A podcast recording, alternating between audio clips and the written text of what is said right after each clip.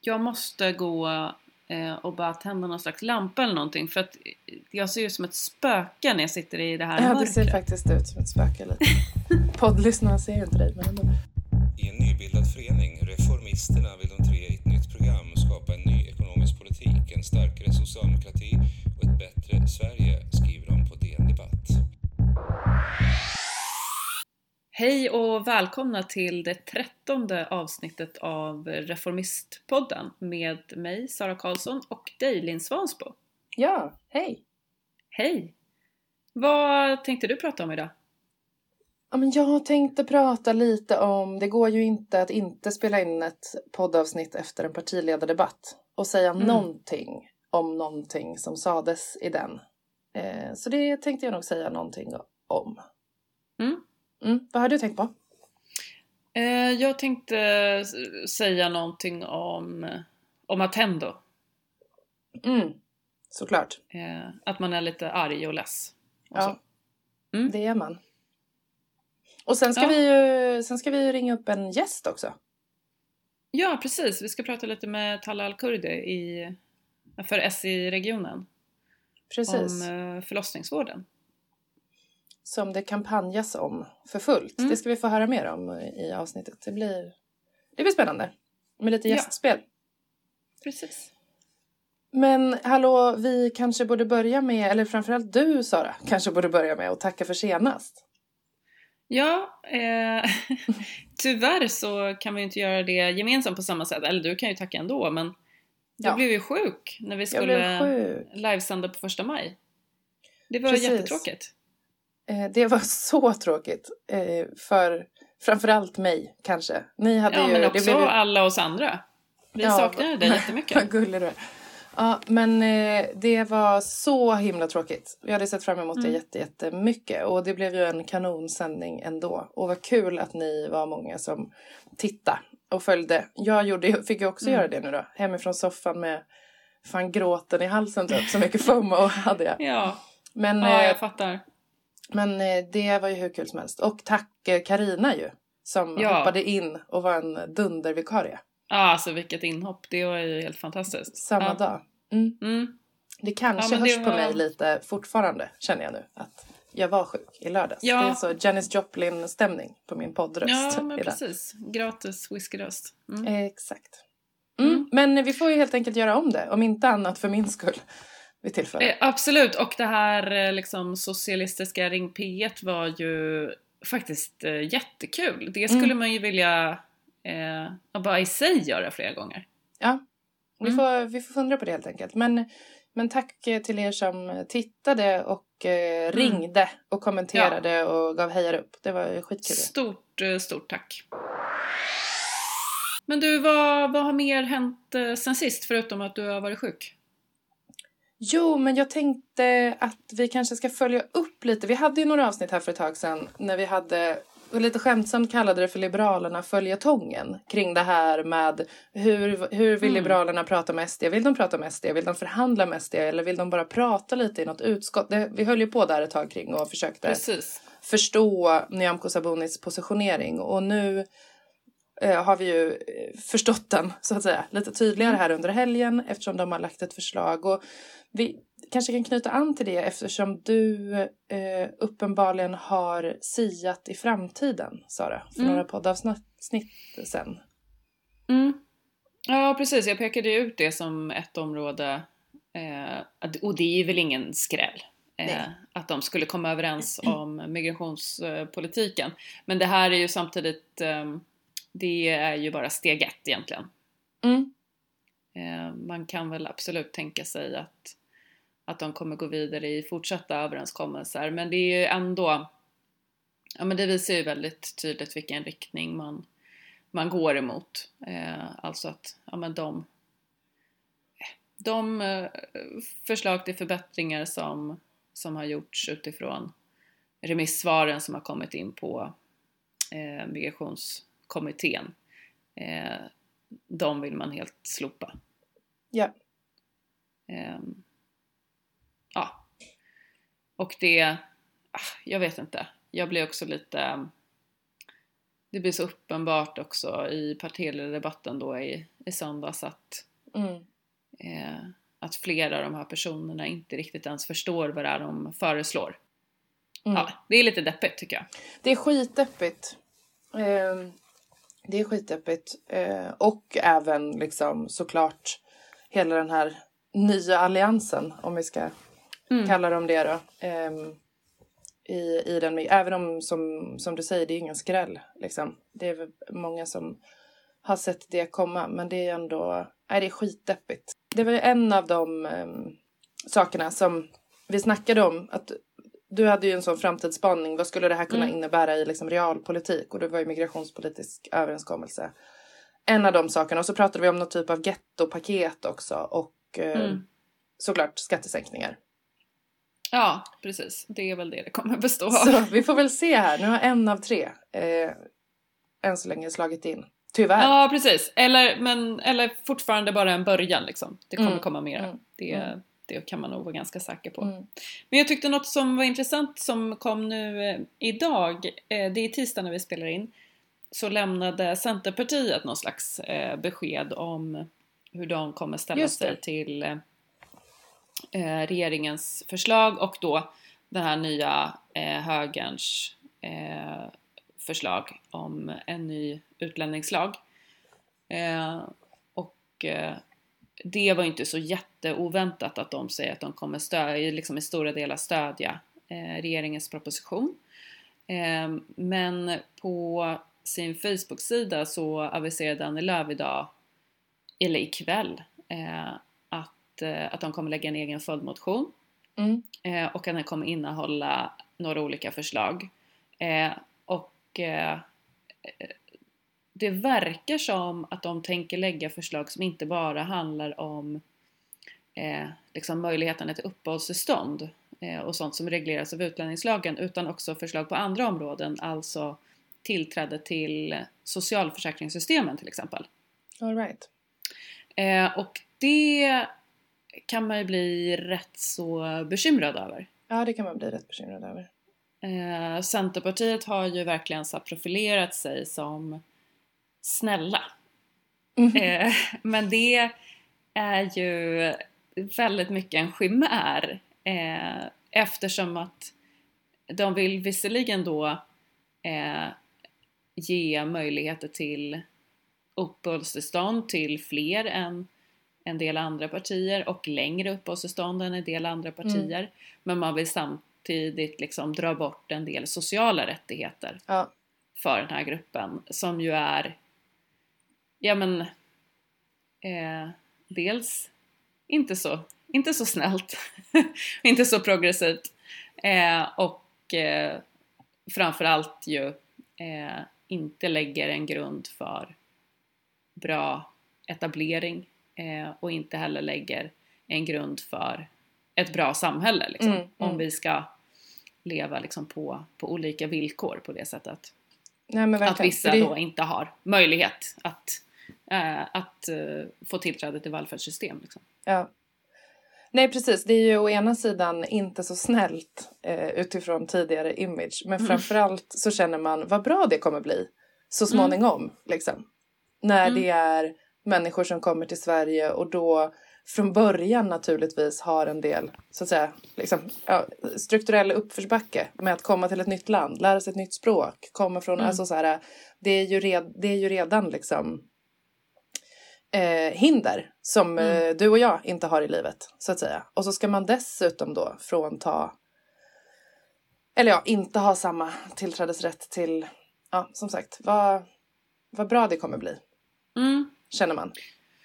Ja precis, vi får se vad som kommer. Det är liksom bara Mm. än, än så länge en, en Facebook-status. Man ska inte dra för, allt för stora växlar på det. För att det är, alltså så här, ska man genomföra förändringar av socialförsäkringssystemen i det avseendet så är ju det det innebär ju eh, Mm. jättemycket konsekvenser i, i form av så här, eh, liksom ett, ett eh,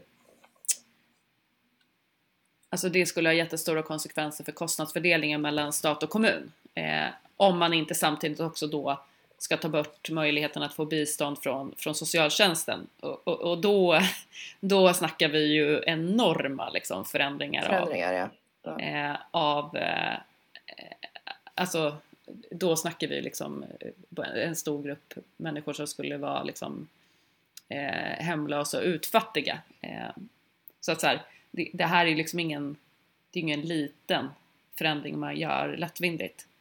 Eh, men det ska bli intressant att se vad det är som kommer. Mm, mm. Spännande. Mm. Men du, jag tänkte på en annan grej med det här eh, partiledardebatten i söndags. Som jag eh, väl eh, ändå får börja med att erkänna tycker är lite av en pers att plåga mig igenom. Att titta på en hel mm. söndagkväll. Eh, jag lyckades nästan i söndags. Mest för att jag mm. numera är en del av att hålla i en politisk podd. Så det känns lite som att man har ett ansvar att hålla sig lite ajour. Men, men eh, jag tycker att det är mycket som är liksom ja, det är en pers vad gäller hur, vad som pratas om och hur det pratas om och liksom mm. framförallt för att det mest handlar om, i alla fall de senaste åren tycker jag, har handlat om liksom brott och straff, straff och migration och integration och sådär. Enbart. Men det jag skulle säga var eh, att jag tänkte på det här eh, det, man, eh, det, det första ämnet var ju kriminalitet eh, och eller ett av ämnena var i alla fall kriminalitet och eh, då debatterades mäns våld mot kvinnor apropå de här... Mm, just det. Um, ja, det har ju varit många mord på kvinnor inom loppet mm. av en väldigt kort period som vi också pratade om mm. i förra avsnittet. Precis. Eh, och då dröjde det ju såklart ungefär fem sekunder innan Jimmy Åkesson drog eh, jäm, ojämställdheten är ett importerat problem kortet. Mm. Liksom. Um, för att vi importerar uh, kulturer där män hatar kvinnor. Mm. Eller förtrycker kvinnor. Uh, och Annie Lööf röt ifrån. Det har vi kunnat läsa en del om Just efter det. partiledardebatten. Annie hon känner och förakt. Hon känner förakt mm. och hon och Jimmie Åkesson rök ihop och hon röt ifrån och sådär. Och minst förstå mig rätt, det är väl jättebra. Jag tyckte hon röt ifrån på ett bra sätt. Eh, mm. Framförallt med perspektivet liksom, du trampar på kvinnor som har blivit förtryckta och misshandlade av män som heter Jimmy och Conny och Lennart. Liksom. Mm. Eh, men eh, jag tycker också att det är eh, ja, men det är nästan lite märkligt att folk tycks förvånade över Jimmy Åkessons eh, utspel. Tycker jag. Alltså jag bara mm. tänkte på liksom mitt eget flöde så, eller så vänster, vänsterkompisar och sossar och, och feminister och sådär som, som liksom reagerar och, och delar och hur förfärligt det är liksom att han kan uttrycka sig på det sättet. Och ja, det är det ju, men föga förvånande. Eh, mm. Tänker jag. Eller det är väl liksom... Kunde man Nej, det är väl det på. han alltid gör. Det är väl det han alltid gör. Allt är invandrarnas fel. Liksom.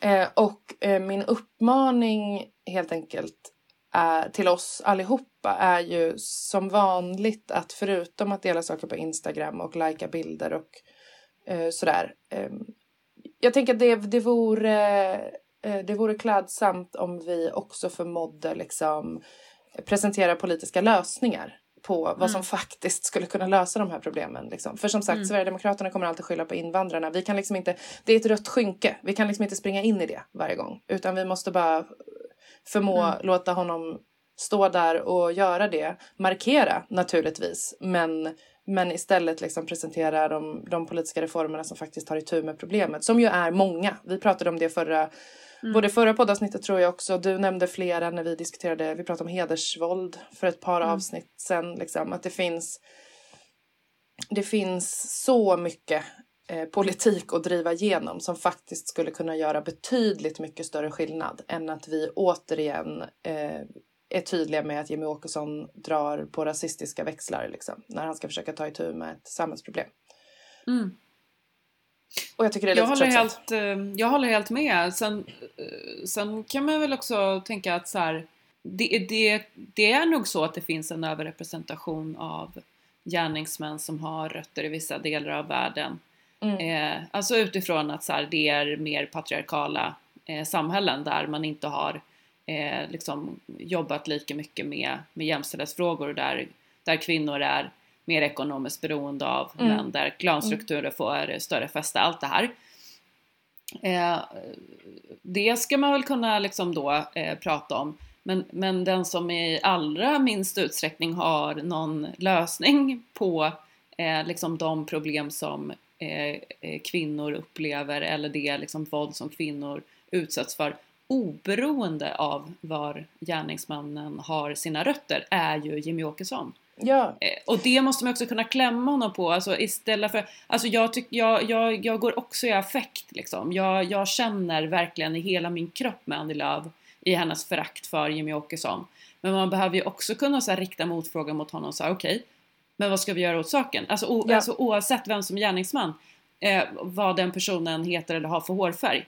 Hur liksom, hur kommer vi åt det här problemet? Och där har ju inte han några svar. Då är det liksom bara så här, vi ska inte ha invandring. Nej, okej. Okay. Men alltså... Ja, ja, verkligen. Ja, och faktum kvarstår ju att liksom, eh, det behövs skyddade boenden och hyresrätter och ekonomisk makt hos kvinnor och en närvarande ja. socialtjänst och samordning mellan myndigheter och ja, men, ja, du vet, eh, mm. massa konkreta politiska reformer som, som saknas och, och där det ju är liksom i debatten och där vi hamnar i debatten helt irrelevant att mm att diskutera frågan, ja, men både på det sättet som Jimmy Åkesson gör men faktiskt också som vi tenderar att motreagera. Liksom. Mm. Ja, han är rasist, liksom, eller han uttrycker sig rasistiskt och vi känner mm. förakt och det är för jävligt. Och, men vad gör vi nu då? Liksom? Mm. Som du säger, antingen kläm honom på det men åt, åtminstone fokusera på, eller låt honom stå där och så fokuserar vi på, på liksom, att lösa problemen. Mm. Bifall. Bifall. Förlossningsvården har debatterats och diskuterats och eh, skrivits en hel del om på senaste och inte minst i Region Stockholm. Eh, och vi är lite nyfikna på att ta reda på mer om vad som händer där och inte minst vad, eh, vad vårt parti gör, gör åt saken eller vill göra åt saken. Så att vi ringde upp Talla Alkurdi som är S-företrädare i Region Stockholm för att prata med henne om det. Så vi har fått låna dig Talla nu efter eh, ett sent eh, regionfullmäktige en, en tisdag här. Eh, där ni bland annat har pratat om just förlossningsvården. Hur gick det? Ja, det jag kan säga så här, vi kom inte så långt till min interpellation om förlossningsvården ska jag säga, för vi, hade, vi debatterade året som har varit, eh, 2020, vi hade årsredovisning ja, och mm, bokslut mm. över 2020. Där kom ju dock förlossningsvården upp. Mm. För regionen eh, gick ju med 6 miljarder överskott eh, 2020. Mm. Och det är med anledning för att man inte skickade vidare de pengar som man hade fått från staten till verksamheterna. Man la pengarna på hög helt enkelt. Eh, mm. Man skickar inte vidare eh, de pengarna till sjukhusen som ju våra förlossningskliniker faktiskt ligger på. Eh, och förlossningsvården fick ju faktiskt sänkt ersättning 2020. Det är inte så många som vet om det i och med att vi har pratat väldigt mycket om pandemin. När man pratar om 2020 tänkte man mest på pandemin. Mm. Men förlossningsvården fick ju faktiskt sänkt ersättning. Och sen, jag tror att många har ju hunnit glömma bort Eh, det stora massvarslet som var på våra sjukhus med anledning av Moderaternas budget för det året. Moderaterna eh, ville spara in på sjukhusvården. Så vi lyfte ju förlossningsvården, vi lyfte vårdpersonalens villkor, eh, vi lyfte just att ehm, Moderaterna tyckte att regionen skulle, eller gjorde att regionen gick in i pandemin med massvarsel över vårdpersonalen, många som lämnade eh, mm. för att man inte orkade med och eh, helt enkelt att man försummade eh, eh, förlossningsvården. Mm. Men du, jag är så nyfiken på innan vi ska komma in till på kampanjen ju mm. som, som vi håller på med i Stockholms partidistrikt kring mm. förlossningsvården. Men jag är så nyfiken på att höra, liksom, vad fan svarar de? Eller vad, vad, hur, hur pratar man om, liksom, om jag var Irene Svenonius just nu, Salla, vad hade jag liksom sagt för att försvara de här liksom prioriteringarna. Hur kan man möjligtvis lägga 6 miljarder på hög? Ja. ja vad, vad, hur, hur går diskussionerna liksom, i regionen? Nej, det de säger är ju att sjukhusen och vården ja, får tillräckligt med resurser. Det är så att man ger. Och grejen är det är det här som gör en så arg. Eh, det här är pengar som vi faktiskt har fått från regeringen. Regionen har ju fått det från staten, ämnade mm. till vården. Eh, och hur kan man med att liksom spara in på det? Det förstår inte jag. Mm. Eh, men kom ihåg att eh, vi, massvarslen låg ju kvar fram till hösten 2020. Just det. Alltså, mm. Vi hade redan passerat första vågen av pandemin och ändå så höll de mm. fast vid att vårdpersonal skulle sparkas. Mm. mm. Hur motiverar man det? Det är, mm. alltså, det, är, det är ideologi, det är vad det är. Det är systematiskt dränera våra egenenergiverksamheter, att undergräva vården och hoppas på att man kan skapa en opinion för privata sjukvårdsförsäkringar. Irene Svenonius mm. har ju släppt en bok om det här där hon säger klart och tydligt att det är det hon vill åstadkomma. Hon vill ha ett vårdsystem som man har i exempelvis USA med privata sjukvårdsförsäkringar. Och det är klart som 17 vill hon uppnå det. Då kommer hon ju mm. undergräva egenregiverksamheten mm. så långt det bara går. Mm. Mm. Just det, för att kratta manegen för ja, systemskifte. Liksom. Mm. Exakt. Supersmart ju. Dränera på resurser med ena handen, skjuta in kry.se gallerian ja. med den andra. Ja, mm. exakt. exakt. Ja, men mer eh, specifikt förlossningsvården, vad är det som sker där just nu eh, som gör att, eh, att vi behöver sätta fingret på det? Ja, men det är ju återigen just det här att man inte ger eh, sjukhusen eh, tillräckligt med resurser, för det är ju där förlossningsvården är. Men sen är det ju så att vi har något som kallas för vårdval förlossning, det vill säga att det är styrning, det är marknadsstyrning över förlossningsvården. Eh, mm. Så även om det finns resurser inom sjukhusen, även om det skulle ha funnits resurser inom sjukhusen, så kan de inte omfördela hur de vill till just förlossningsvården för att det är, det är under en marknadsstyrning. Eh, och det här har ju lett till att eh, förlossningsvården har varit underfinansierad år efter år efter år. Eh, mm. Och det har ju lett till att nu, är ju, nu tvingas ju eh, förlossning, eller kvinnosjukvården eh, på SÖS till besparing på 72 eh, miljoner. Och det, ju, det, är, det här är ingenting nytt egentligen, utan så här har det varit år efter år. Men det som är nytt är att vårdpersonalen nu eh, larmar mycket, mycket tydligare än vad de har gjort tidigare år, får jag ändå säga.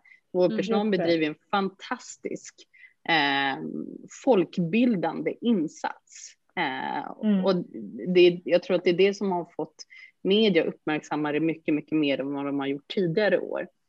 Eh, ja, för det är det här som vi har sett med paprikor på mackorna och de här spara-listorna på whiteboardsen i Exakt. personalrummen. Och, och mm. det, det kommer från, från Region Stockholm ju. Ja, det gör det. Ja, det gör det. Ja. Mm. Eh, det, det, är ju precis som jag sa, alltså man, i Moderaternas budget så är det så att man lägger fram besparingskrav, effektiviseringar kallar man det för, mm. men vi vet ju mm. alla vad effektiviseringar innebär, det är besparingar. Eh, på, på mm. sjukhusen. Eh, man har eh, satt en prognos för, för antalet förlossningar som är lägre än, ver än verkligheten. Eh, och därmed så ersätter man förlossningsvården efter den nya prognosen, trots att förlossningsvården har ett väldigt ansträngt läge sedan många, många år och behöver luft i systemet. Eh, så ser man till att pressa den ännu hårdare. Eh, under 2020 så var det ju faktiskt så att det var en, en, 900 kvinnor som fick föda på överfulla förlossningsmottagningar. 900 kvinnor mm. i vår region fick föda på överfulla eh, förlossningsmottagningar. Alltså det var över maxkapaciteten än vad man klarade mm. av. Och bara på SÖS mm. så var det ju 400 kvinnor som fick föda eh, på, överfull, eh, på en överfull förlossningsmottagning. Mm. Men mm. jag födde, ju på, ja, men jag födde på SÖS i höstas. Jag brukar inte mm. använda min egen eh, liksom, förlossningsberättelse särskilt mycket, för jag tycker att ändå politiken bör liksom, eh, försöka att eh, hålla sig ifrån de här anekdotiska berättelserna. Men jag, kan, mm. jag, jag måste säga det nu. Alltså, när jag födde, jag, jag gick över tiden med två veckor. Så när jag mm. kom in på den här bokade tiden för att eh, sättas igång så, så fick jag vänta och vänta och jag såg hur vårdpersonalen sprang fram och tillbaka och jag tänkte och jag sa till Olof, min man, att jag tror inte de kommer kunna äh, sätta igång förlossningen idag. Det är, det, man, det är så tydligt hur, mm. hur, hur tufft de har det. Och precis så blev det. Där läkaren kom och bara bad om ursäkt och sa, men vi kan inte göra, alltså det, vi får akuta fall. Och det är jag. Alltså, mm. men jag förstår, jag förstår det. det. Det är klart att ni måste ta dem som har ett större behov än vad jag har. Eh, och fick mm. vänta eh, till dagen efter för att bli igångsatt. Eh, mm. Trots att riktlinjerna är väldigt tydliga att man inte ska vänta mer än två mm. veckor. Men jag beskyller inte på något sätt vårdpersonalen. Jag fick en fantastisk liksom, vård, det fick jag. Alltså vårdpersonalen, eh, barnmorskorna, undersköterskorna, läkarna gjorde att jag verkligen kände mig trygg när jag väl kom till förlossningen. Men jag mm. fick se med egna ögon vad mm. överfull förlossningsmottagning faktiskt innebär. Mm. Samtidigt 6 miljarder på, på bankkontot. Exakt, alltså ja. det, är, det är absurt. Det är verkligen ja, absurt hur de hanterar våra resurser. Resurser som ska gå för att ge vård efter behov och vård i ja. tid och se till att vårdpersonalen får de absolut bästa förutsättningarna. Mm. Men... Så kampanjen nu som eh, Socialdemokraterna i Stockholm driver, vad går den ut på? Ja, den går ju ut på att vi ska kraftsamla oss, precis som vi gjorde när vi satte stopp för Krys köp av 1177, så ska mm. vi nu pressa Moderaterna för att se till att eh, kvinnosjukvården eh, får de resurser, de pengar som den faktiskt behöver. Inte bara för att man ska klara sig över vattenytan, utan på riktigt få mm. de resurser som man eh, behöver för att skapa luft i systemet så att barnmorskorna överhuvudtaget vill jobba kvar på förlossningen. Mm. Det är ju så att det, vi har så många barnmorskor som lämnar förlossningsvården för att man orkar inte med. Nej, man, alltså man går in i väggen innan man ens har hunnit fylla 30 eh, och bygger inte upp en erfarenhet för att man orkar inte och går till öppenvården, alltså BVC, MVC och så vidare. Även de behöver resurser ska jag säga. Så det handlar om att sätta press på Moderaterna så att eh, sätta stopp för, på, eh, för de här besparingarna som är på SÖS. Men, men ytterst är det ju också att sluta styra kvinnosjukvården som att det vore ett företag. Mm. Så är det. För det handlar inte bara om förlossningsvården. Det handlar ju om vården för dem med svår endometrios. Det handlar om eh, akutmottagningen för dem som har blivit utsatta för våldtäkt. Alltså även de mm, tvingas på besparingsbeting nu. Det är ju helt fruktansvärt. Mm. Mm. Men även gynvården, alltså vi har ju sett under flera år hur gynmottagningarna runt om i länet läggs ner och där privata vårdbolag säger det klart och tydligt, det är inte lönsamt för oss att bedriva vård, här. Det är, alltså det är gymmottagningar i Haninge, det är gymmottagning i Vällingby och så säger man, men vi kommer etablera oss i innerstan. Mm. Det vill säga, mm. kvinnorna i Vällingby, kvinnorna i Haninge eller Nynäshamn är inte tillräckligt lönsamma i, enligt den här marknadslogiken. Mm. mm. Eh, och det, vi säger att det måste vara stopp. Vi vill ju liksom ta bort vårdval, vi vill ta bort vårdval förlossning. Vi vill sluta eh, eh, behandla kvinnosjukvården som att det vore en marknad. Mm. mm. Jag läste en otrolig eh, text av ledarskribenten Fanny Nilsson som också är läkare om exakt det här som jag kan tipsa alla som lyssnar om att googla upp apropå det att alla som jag tror att det var så 26 gynekologmottagningar på Östermalm eller något, 22, 24 liksom. Och en i hela Botkyrka. Exakt. Apropå mm. vilka, vilka som får vård. Mm. Men så om man blir så här upprörd som man, som man ju blir när man eh, hör om det här och tänker på det här, vad, vad kan man göra? Då ska man skriva på vår namninsamling och man kan mer än gärna mejla de styrande, eh, alltså företrädare för, för eh, majoriteten. Men mm. först och främst skriva under eh, vår namninsamling för att sätta stopp för besparingarna. Se till att dela den här namninsamlingen, prata med vänner och bekanta om det som händer eh, så att fler skriver under den. Eh, för jag tror verkligen att de känner av pressen eh, från allmänheten och ju mer press mm. vi kan sätta desto bättre. Mm. Vi kommer såklart eh, dela länk till den här namninsamlingen när vi släpper avsnittet. Men mm. vart, eh, vart kan man annars leta upp den, Palle? Eh, den finns på Socialdemokraterna i Stockholms Facebook-sida. Eh, den finns på hemsidan, tror jag, säger han Ja, Eh, så den finns lite varstans. Men sociala medier så är det säkraste kortet Socialdemokraterna i Stockholm och eh, sen så på hemsidan. Och är man medlem som har fått den i sin mejlinkorg kan jag meddela. Yes, exakt. Signera dig tror jag, Talla. Ja men det gör vi. Det gör vi, helt klart. Tack eh, Talla för eh, de förklaringarna och eh, uppmaningarna till oss alla. Verkligen. Namnet Stine Kristoffersson, säger det dig någonting? Ja, nu gör det det. Efter den senaste veckans eh, rapporteringar om denna hjälte, får man väl Mm. lov att kalla henne. Det tycker jag nog ändå att man ska kalla henne. Ja. Eh, hon kallas ju också eh, det illojala vårdbiträdet i en eh, P1-dokumentär i, i två delar som, eh, som har sänts och eh, fått massa reaktioner eh, såklart. Eh, och det är ju inte P1 som kallar henne illojal utan det är ju hennes arbetsgivare Attendo. ja. Ehm, och eh, jag måste säga att jag blev så otroligt illa berörd av att eh, lyssna på, på den här dokumentären. Ehm, dels utifrån det slog mig på ett sätt som, eh, som det nog inte har gjort tidigare innan jag lyssnade på det här. Hur, eh, ehm, hur jobbigt det måste ha varit för jätte, jättemånga eh, som jobbade inom äldreomsorgen eh, ja, men för ungefär ett år sedan.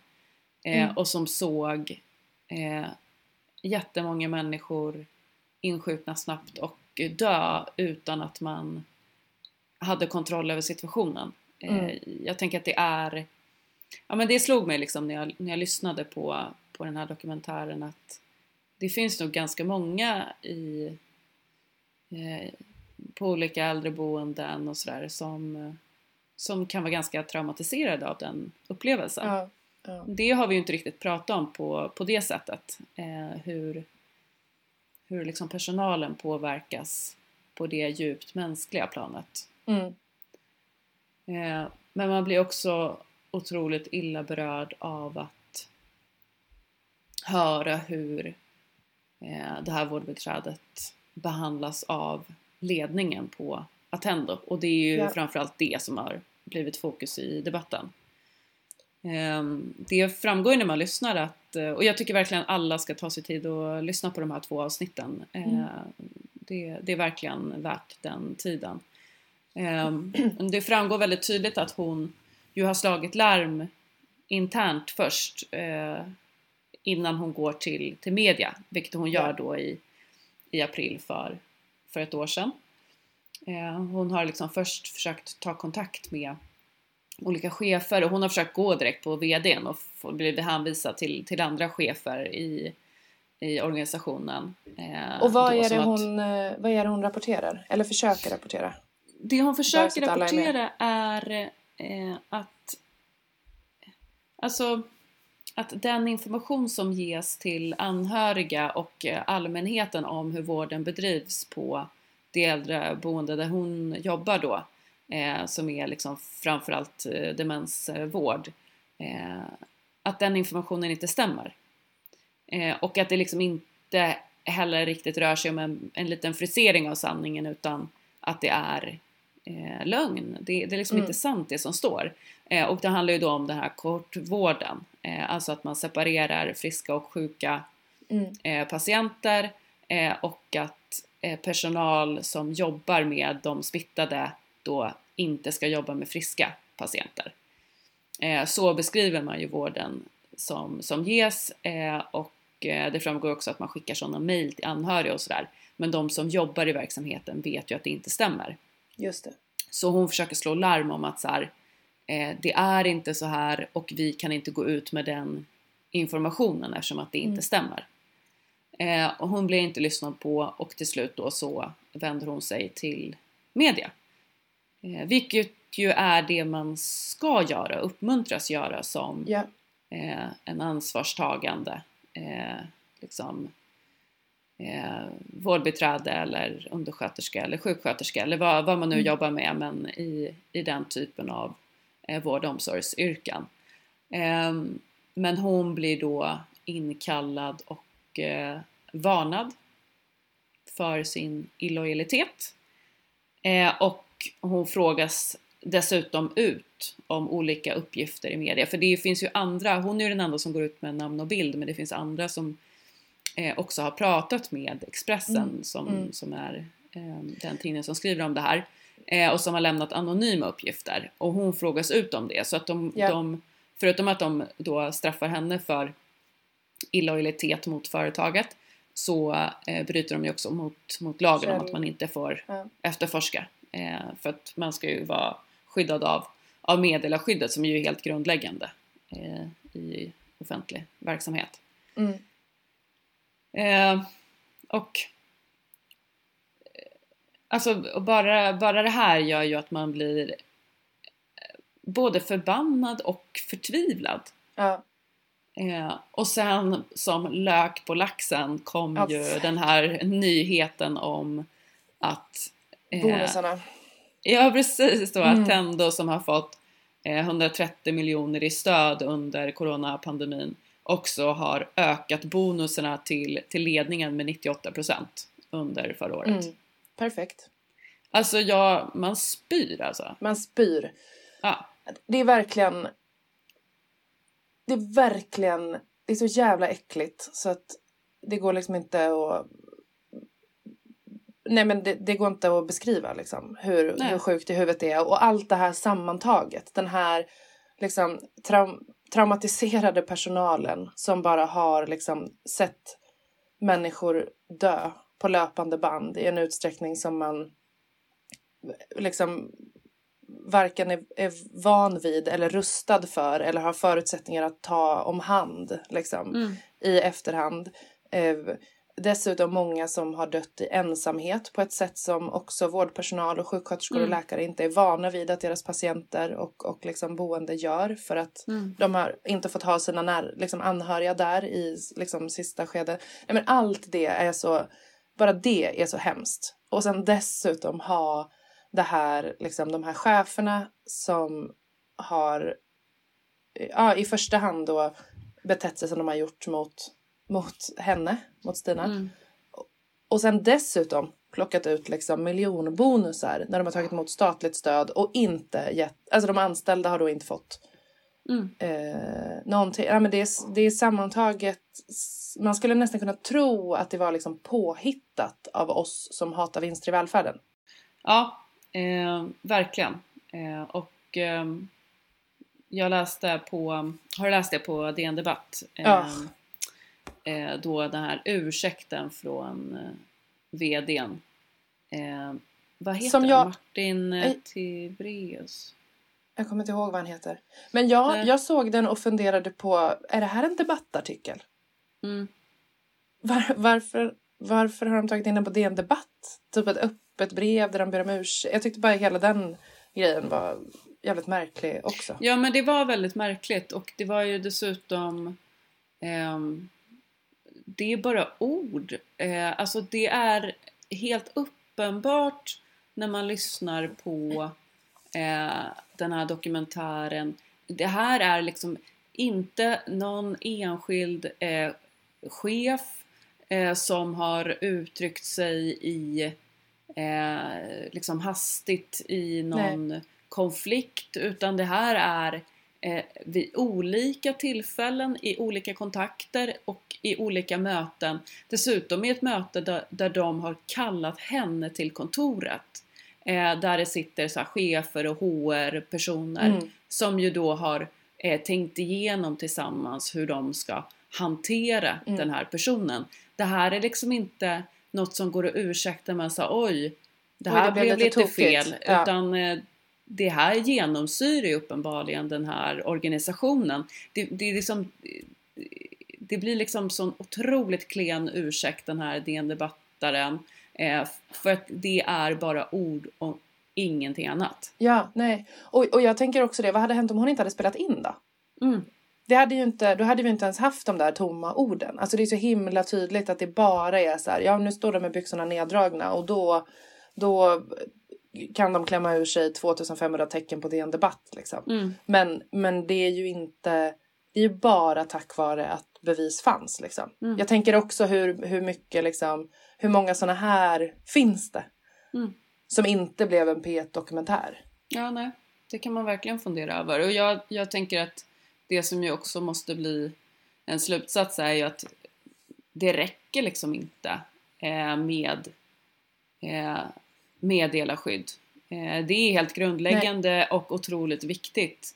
Men den här typen av eh, missförhållanden eh, liksom Alltså i den här typen av system med vinstdrift och där ett företags renommé och varumärke Mm. blir liksom vi, viktig som konkurrensfördel i förhållande till, till andra eh, så kommer man försöka att dölja den här typen av Mm. missförhållanden och jag tänker att det finns ju alltså Stina, Stina är ju ett eh, alltså ett sånt jävla föredöme men det finns ju jättemånga andra i personalen som har lidit också Mm. av de här förhållandena men inte pallat att använda meddelarskyddet.